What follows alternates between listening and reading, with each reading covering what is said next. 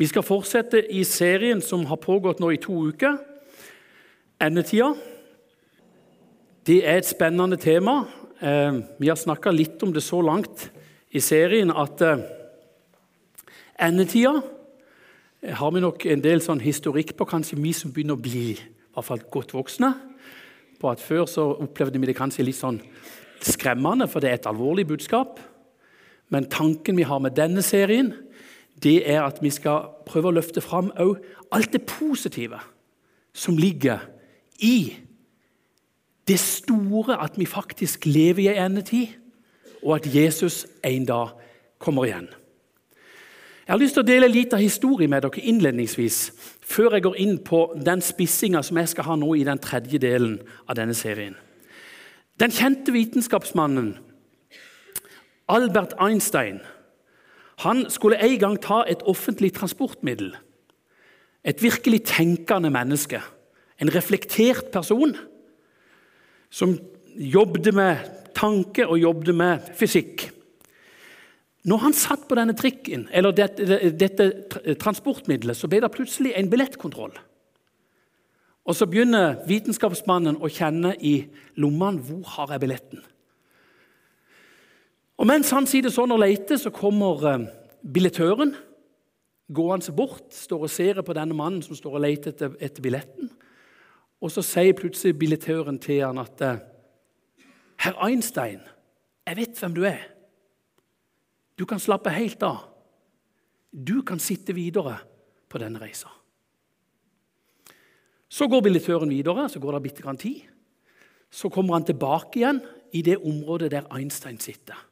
Og så ser han det, at vitenskapsmannen fremdeles sitter like iherdig og leter etter billetten. Og så sier han til ham, 'Sa jeg ikke til deg i stad at du blir med?'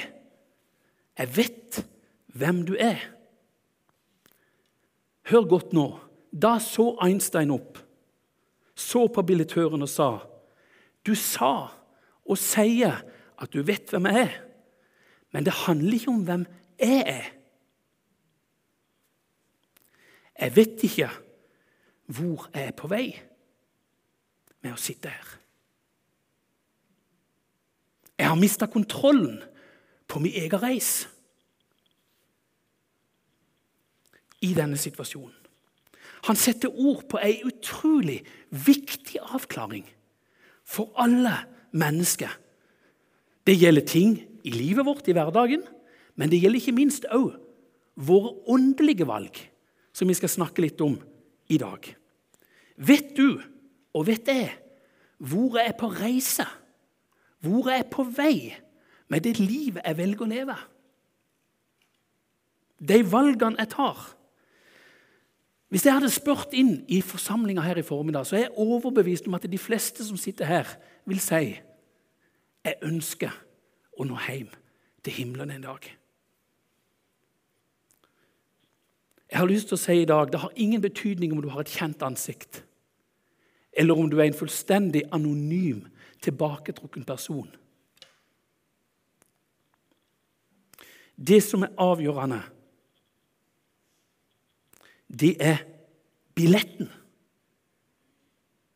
Adressen for den reisa du er ute på. Jesus sier så varmt i Johannes 14, mens han sjøl var her nede. Jeg er veien, sannheten og livet. Ingen kommer til Faderen, til himmelen, uten gjennom meg. Krystallklare ord fra Jesus. Fra alle oss som ønsker himmelen, så er det avgjørende hvordan vi lever, møter Jesus. Vårt forhold til han er avgjørende for vår livsreise.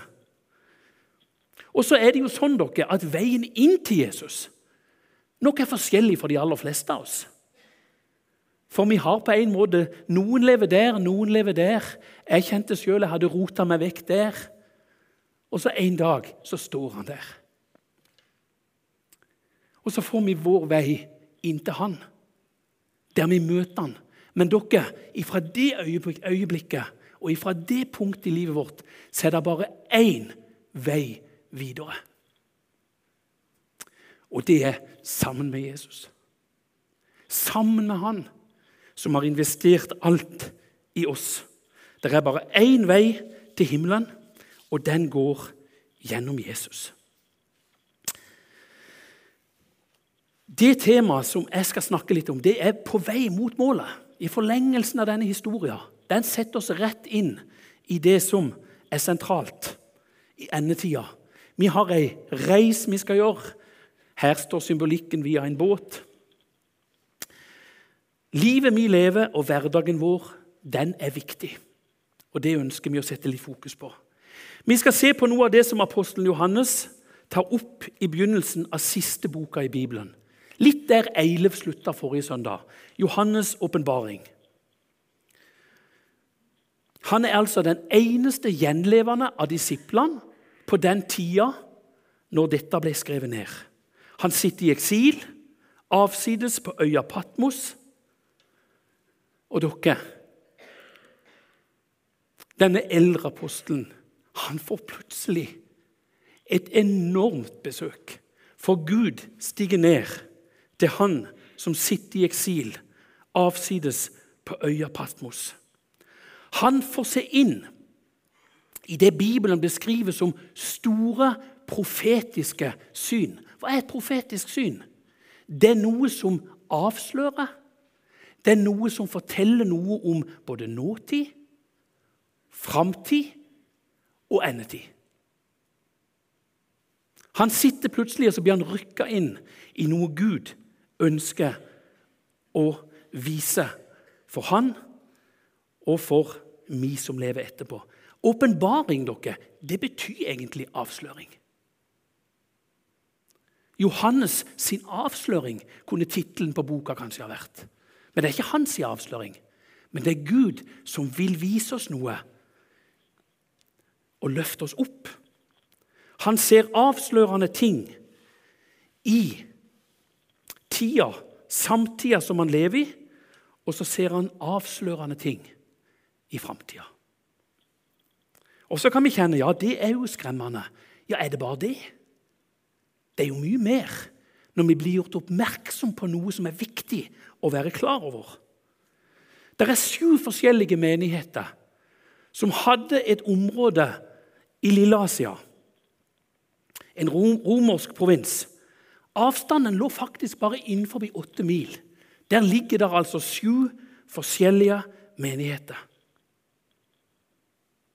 Johannes han skriver ned det Gud viser han om disse menighetene. Det er det som liksom er temaet vårt i dag. Jeg kan ikke si noe om alle sju, men jeg vil si noe av det som jeg opplever, noe, sånn, noe av det som vi kan ta rett ut av fem av dem. For å prøve å holde tida, og for ikke å gå for dypt inn i dette.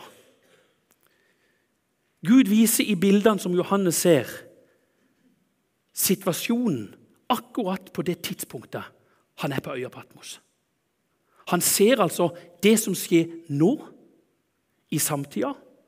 Og samtidig så fremstår de sju menighetene, forsamlingene, som Guds menighet. Kanskje vi kan si gjennom alle tider. På lik linje med at vi kan speile oss i de andre brevene i Bibelen og kjenne at når han skriver til Efesus, så skriver han litt til meg. Når han skriver til Roma, til romerne, så skriver han til meg, osv.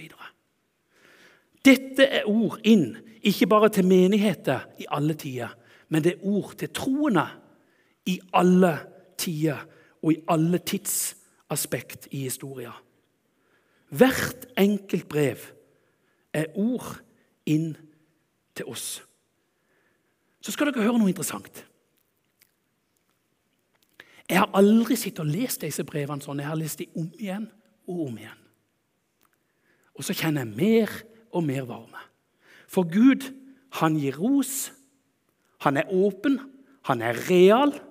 Han gir kritikk. Så gir han råd. Og så krydrer han det med løftet. Varme løftet for menigheten. Og spesielt i endetida vil budskapet fra Jesus bli ekstra tydelig. kanskje det mest riktige å si at i Johannes' åpenbaring så framstår Gud som en sekundant. En sekundant, dere, det er en som en person som hjelper eller støtte noen i kamp, står der i norsk leksikon. Vi er vant til å se det i et, i et, i et um, skiløp for eksempel, eller i friidrett. Så kan du se at det kan bli, ropt ting som kan påvirke løpet. Det er sånn nærmest Gud stiger inn. Via det han gir en apostel. For å sekundere. For å hjelpe sin menighet til ikke å miste fokus i tida vi lever i. Sekunderingene er derfor så avslørende for å kunne ta nye skritt. Sekunderingene er så nær. Vi skal se på det første, til Efesus. Så sier han Her er litt vanskelige ord. Jeg skal prøve å ta noe av essensen som jeg kjenner jeg ser jeg skal legge fram. Jeg vet om dine gjerninger og ditt arbeid. Vi leser fra vers 2. Jeg vet om dine gjerninger og ditt arbeid og din utholdenhet, og at du ikke kan tåle de onde. Du har prøvd dem som kaller seg selv apostler, og ikke er det, og du har funnet at de er løgnere. Du har tålmodighet, du har hatt mye å bære for mitt navns skyld, og du har ikke gått trett. Men om de lever og prøver å balansere hverdagen sin, så står det Men jeg har imot deg at du har forlatt min, din første kjærlighet. Husk derfor hva du er falt fra. Omvend deg og gjør de første gjerninger. Men hvis ikke, så kommer jeg brått over deg, og jeg vil flytte din lysestake bort fra ditt sted. Hvis du ikke omvender deg. Hva forteller dette oss? Gud ser alt. Gud overvåker ikke for å ta, men Gud overvåker for å passe på. For å stå nær. Han lengter etter å være nær ethvert menneske som står vendt mot han. Han roser for gjerninger i tjeneste. Han roser for utholdenhet, tålmodighet. Men midt i alt dette gode så har de mista noe. De har mista den første kjærlighet. Det er akkurat, Nå skal jeg prøve å forklare det med enkle ord. Det er akkurat som at Jesus sier, 'Du har vendt deg bort fra nærheten til meg.' Der du åpner alle rom i ditt liv. Du har dreid fokuset i livet ditt. Jeg elsker det til det ytterste. Det ønsker Jesus å si. Men du har vendt ryggen til meg. Se hva du har mista. Det som er så viktig for enhver kristen. Det å leve i min kjærlighet, sier Jesus. Vend om. Fantastisk sekundering. Vend om. Kom tilbake. Jeg står med fremrakte hender. Han gjentar nesten det han sa i sin avskjedstale. Bli i min kjærlighet. Bli i min kjærlighet. Bli i min nåde. Nyt min tilgivelse. Lev under min kraft. Det er det han er opptatt med. At ikke du blir gående på sjølstyr. I tjeneste og i liv. Så avslutter alle sendebrevene med. Går igjen gjennom alle sju. Den som har øre. Den som hører det jeg sier, det er det han egentlig mener. Den som hører det jeg sier. Hør hva Ånden sier til menigheten. Dette er så varmt, og det er så viktig. Og Så avslutter han av og til noen av sendebrevene her i Efesus og sier han, jeg lengter så etter å være sammen med dere i paradis. Derfor må jeg korrigere. Den som seirer, blir en del av min framtid, og det blir de framtid. Fantastiske ord. Smyrna er den neste menigheten. En menighet som opplevde mye prøvelser, og som hadde det kampfullt. Og Der skal vi lese fra Åpenbaringa 2, fra 8, litt ut i vers 8 og 9. Dette sier den første og den siste og den levende. Jeg vet om din trengsel og din fattigdom, men du er rik. Og om spotten fra dem som sier de er jøder, men ikke er det, men er en Satans synagoge. Dette er et bilde. Frykt ikke for det du skal lide. Se, djevelen skal kaste noen av dere i fengsel for at dere skal bli satt på prøve, og dere skal ha trengsel i ti dager. Vær tro inntil døden, så vil jeg gi deg livets krone. Dette er menigheter som står i kjempekamp og sterke angrep for sin tro. Akkurat som Jim nevnte i første timen i denne serien. Det er noen dere i dag som sitter i mørke celler. Og som kanskje i dag tørker tårer i takk for det som her står. Som troende så er vi ikke garantert å ikke møte motgang, trengsel eller forfølgelse. Men så sier han inn i den situasjonen Glem aldri at om du kjenner på begrensninger, om du kan kjenne på fattigdom, det er det uttrykket han bruker, eller det bildet han bruker, så eier du all åndelig velsignelse i evangeliet. All rikdom i evangeliet. Glem aldri i dine tyngste dager at alt mitt er ditt. Og om du har trengsel ei tid, løft blikket. Se framover. Dette er noe som preger den lidende kirke i hele verden og i dag. De sitter ikke bare og kjenner smerten i dag, men de sier at en dag Vær tro inntil døden er de varme ordene fra Jesus. Vær tro, så vil jeg en gang overrekke deg livets krone. For et bilde! Seierskransen, evig liv og nærhet med Jesus. Det er det han ønsker å sette på hodet til hver enkelt av oss den dagen vi kommer hjem. For ei varm sekundering! Den som har øre, han hører hva Ånden sier til menigheten. Utrolige ord inn i en vanskelig situasjon. Vi skal gå videre, dere til Pergamum. Det er sånn, nå får vi noen små satser som er skrevet i forskjellige situasjoner, for de levde forskjellig. Til Pergamum så sier han i åpenbaringa 2.13.: Jeg vet hvor du bor, der hvor Satan har sin trone. Et bilde med et budskap. Og du holder fast ved mitt navn. Du fornekta ikke min tro Heller ikke i de dager da Antipas var mitt trofaste vitne. Han som ble slått i hjel hos dere, der hvor Satan bor. Han beskriver en martyr. Der helt andre krefter enn de himmelske kreftene fikk gjøre utfallet. Så leser vi videre. Men jeg har noen få ting imot deg. Du har noen der som holder fast ved Bileams lære. Han som lærte Balak, Balak å legge anstøt for Israels barn, å ete avgudsoffer og drive hor. Slik har også du noen som på samme vis holder fast ved nikolaittenes lære. Omvend deg. Omvend deg.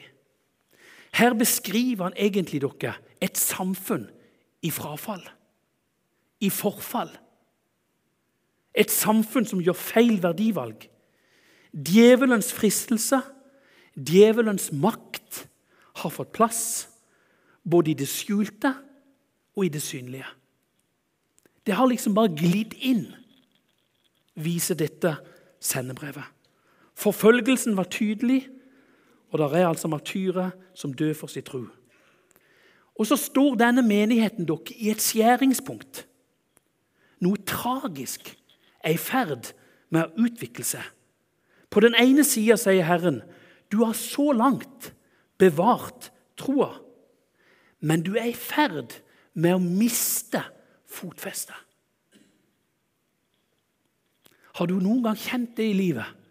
Nå står jeg en plass det svikter under meg. Jeg er i ferd med å miste fotfestet. Noen av dere, sier Jesus, har åpna for umoral i livet. For avgudsdyrkelse og vrang lære. Og flere i menigheten lever åpenlyst i hor. Det er tilfellet tilfelle i Pergamum. Det som rører seg av umoral i samfunnet rundt dem, er blitt akseptert og praktiseres òg i menigheten.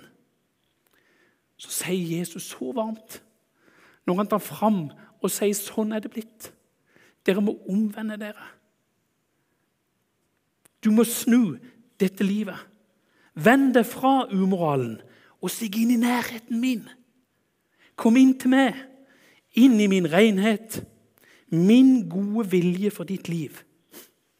Den som har øre, hører hva Ånden sier til menigheten. Dere, for ei sekundering i en kjempefarlig livssituasjon. Det er akkurat som at Jesus sier, 'Jeg ønsker så inderlig å ha deg sammen med meg en gang på festen der hjemme.' De avslutter dette brevet med. På banketten som er stille i stand, må du komme, og du må nå fram. En fullkommen glede og fest venter. Hør hva Ånden sier til menigheten. Vi går videre til neste. Philadelphia. Her er situasjonen annerledes. Denne har jeg gleda meg til å, å si, dele med dere. Vi leser fra vers 8 i kapittel 3. Jeg vet om dine gjerninger. Se! Jeg har satt foran deg en åpnet dør, og ingen kan lukke den igjen. For du har liten styrke, og du har holdt fast på mitt ord, og ikke fornekta min kraft. Fordi du har bevart mitt ord om tålmodighet, vil jeg bevare deg fra den prøvelsens time som skal komme over hele verden, for å prøve dem som bor på jorden. Jeg kommer snart. Hold fast på det du har for at ingen skal ta din krone. Jesus viser her et nydelig bilde på evangeliet. Ei dør er åpna for alltid. Ingen kan stenge henne igjen, er Jesus sin klare beskjed. Døra var stengt for mennesket tidligere av synda som stengte mellom Gud og menneske. Men så har vi feira jul, så har vi feira, og jeg er så takknemlig for at Jesus steg ned. Til mennesket i denne situasjonen så ga han seg sjøl som ei soning for all verdens synd. Og så åpna han adgang, mulighet til å stige inn igjen i Guds nærhet. For en frelser! Han har åpna noe for alltid. Adgang inn i Guds nærhet. Innganger til Guds rike. Det er veien inn for hvert enkelt menneske. Som jeg sa innledningsvis, det er bare én vei. Og det er den som takker ja til nåden og stiger inn til Jesus. Videre sier Jesus til menigheten de kan kjenne på liten styrke. Om dere kjenner det sånn, om dere kan kjenne at livet, svikt, li, livet kan skifte, så har dere holdt fast på Guds ord og ikke fornekta Guds navn. Dere har bevart Guds ord i hjertet. Dette er livsviktig for den som vil vandre og følge med, Guds, med Gud. Og det å følge Guds ord blir så viktig. Jeg er overbevist om, jeg satt og så på dette når jeg så hva som han sier, det er det viktige for dere. Jeg tror de sang mye Salme 119 i Philadelphia. Og jeg tror det var to satser i den salma som de sang ekstra sterkt på i Philadelphia. Til evig tid, Herre, står ditt ord fast. Salme 119, 84. Også 105. Ditt ord er en lykt for min fot og et lys på min sti. Avslutningsvis så sier Gud, der han har på en måte sagt å, dere må holde fast på mitt ord videre, så sier han, gir han et løfte om å bevare dem fra prøvelsens stund. Og jeg har lyst til å si om akkurat det, I et endetidsperspektiv så kan dette være en adresse, en bekreftelse på at de skal hentes hjem før den, de siste store trengselsperioden. Det er sånn et lite streif for akkurat det som òg har blitt sagt tidligere i denne serien der vi har delt dette. Han gir et signal om at han gjerne henter sin menighet hjem før den siste stortrengselen. Men Jesus sier til oss alle lev forberedt. Ikke bare gå. Ikke bare sett deg ned og, og vær med. Lev alltid forberedt for å ta imot meg når jeg kommer. Rett forhold til Gud gir forventning til at han kommer igjen. Stå i tjenesten, stå fast på mitt ord. Den som seirer, blir værende i Guds nærhet, sier Jesus. I en tilrettelagt tjeneste skal vi hver enkelt stå inn i evigheten og løfte han fram. Dette avslutter dette fine brevet med. For ei framtid, og for, for, noen varme ord om ei framtid. Dette så Jesus sjøl fram imot mens han var her og åpna døra. Det står om Jesus i hebreerbrevet. For å oppnå den glede som venta han, lei han tålmodig korset. Vet du hva, hva som ligger i det? Han så ditt ansikt og mitt ansikt i sin himmel. Og så hjalp han i kampen og i hverdagen. Han så fram mot å være sammen med oss. Sånn kan vi òg tenke for våre liv. Fest blikket på Jesus nå. Og du kan hvile blikket på han i hele evigheten. Ikke løp som du ikke har et mål for livet, sier Paulus. Fest blikket på Jesus. Vi skal gå til det siste sendebrevet, som vi skal si noen ord om. Til Laudikea. Der leser jeg litt flere vers, så skal jeg ikke si så veldig mye.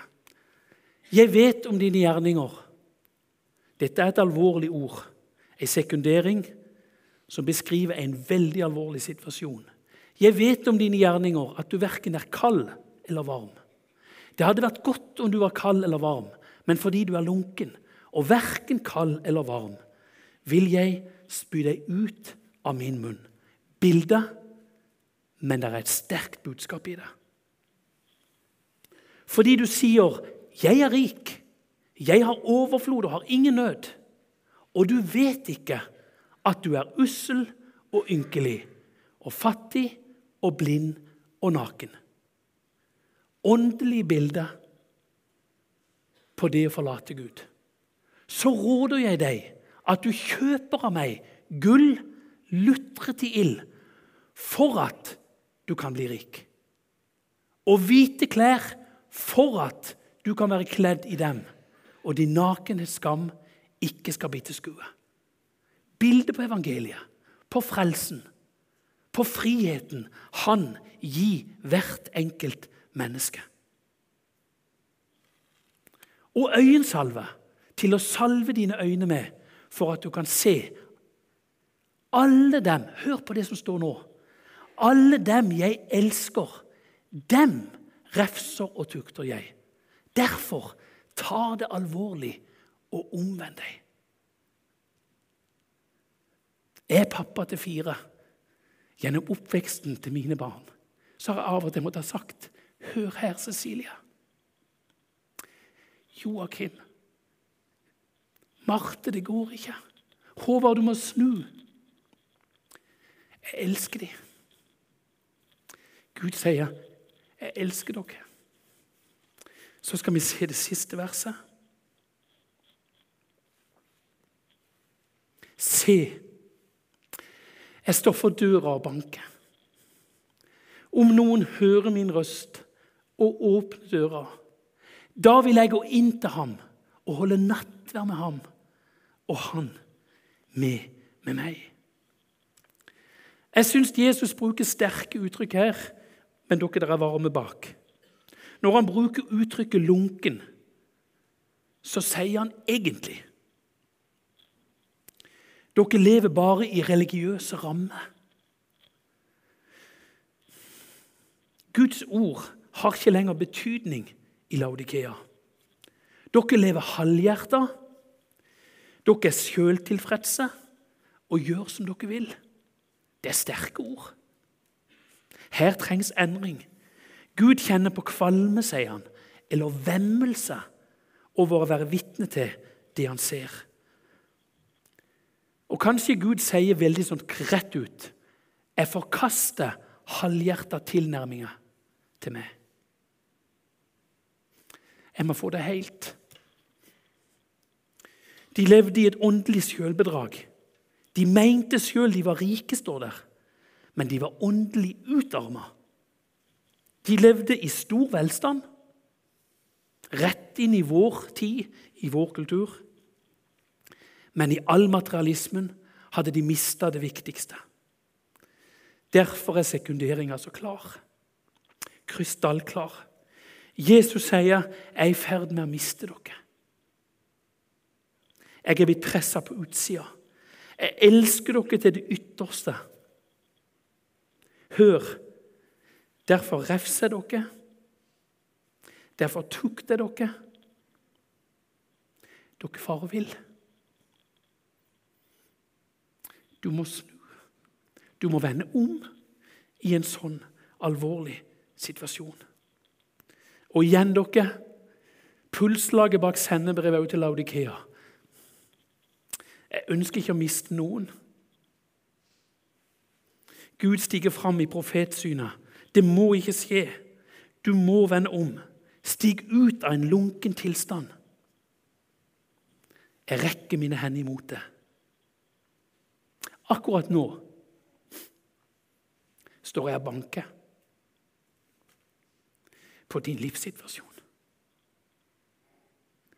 Om du hører min røst, om du kjenner at dette gjelder meg Hvis du åpner opp i dag, så sier Jesus jeg kommer med full kraft.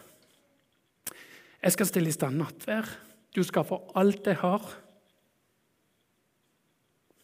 Alt det er, og alt jeg kan gi.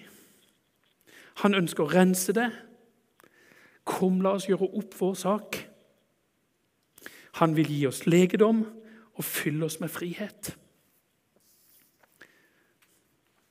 Når jeg har sittet og jobba med dette, så har tankene gått tilbake til når jeg kom tilbake til Jesus. Den største kontrasten for meg dere, når jeg ble en kristen igjen, det var det at plutselig, eller spesielt dagen etterpå, jeg hadde tatt imot Jesus her i kirka og sagt jeg påkaller deg, Jesus. Kom med frelsen. Når jeg våkna neste søndagsmorgen i Konsmo, så kjente jeg meg heil. Ting var på plass. Jeg var nede hos mamma og pappa, de var jo i fyr og flamme. Vi hadde en frokost. Så tok jeg bilen min. Jeg har sagt det til dere før her fra talerstolen, men jeg ble så minnet om å si det igjen. Så kjørte jeg ned til kirkegården i Konsmo. Der ligger min eldste bror, to år eldre enn meg. Der hadde aldri vært som frafallen. Jeg orka ikke å se hva mamma de kunne sett som en avskjedshilsen til han. Fullført løpet. Bevart troa. Så rusla jeg opp på kirkegården, nesten med sommerfugl i maven. Av glede, takknemlighet. Så sa jeg halvhøyt til Torgeir, selv om jeg visste han hører ikke et ord. Torgeir, nå skal vi treffes igjen. Nå skal vi være sammen hos Jesus i evigheten. Dette hadde jeg kjent et savn av i flere år. Hente Gud sin menighet nå, så visste jeg ble igjen. Og så sto jeg plutselig der med billetten.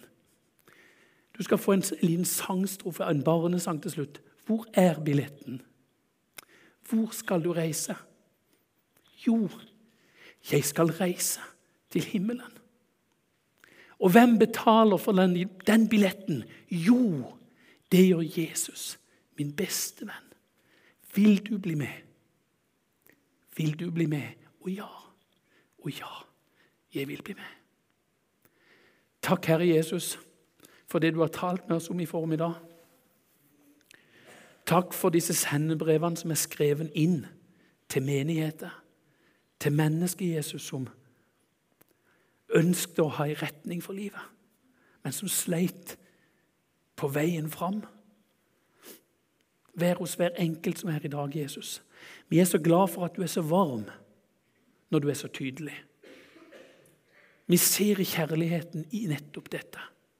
Akkurat som vi som foreldre må ta våre barn opp på fanget av og til og si vi må prate litt. Sånn er du, Herre Jesus, når du står ikke vil miste noen som er i dette rommet. Men du ønsker alle inn i din nærhet nå og inn i din framtid. Amen.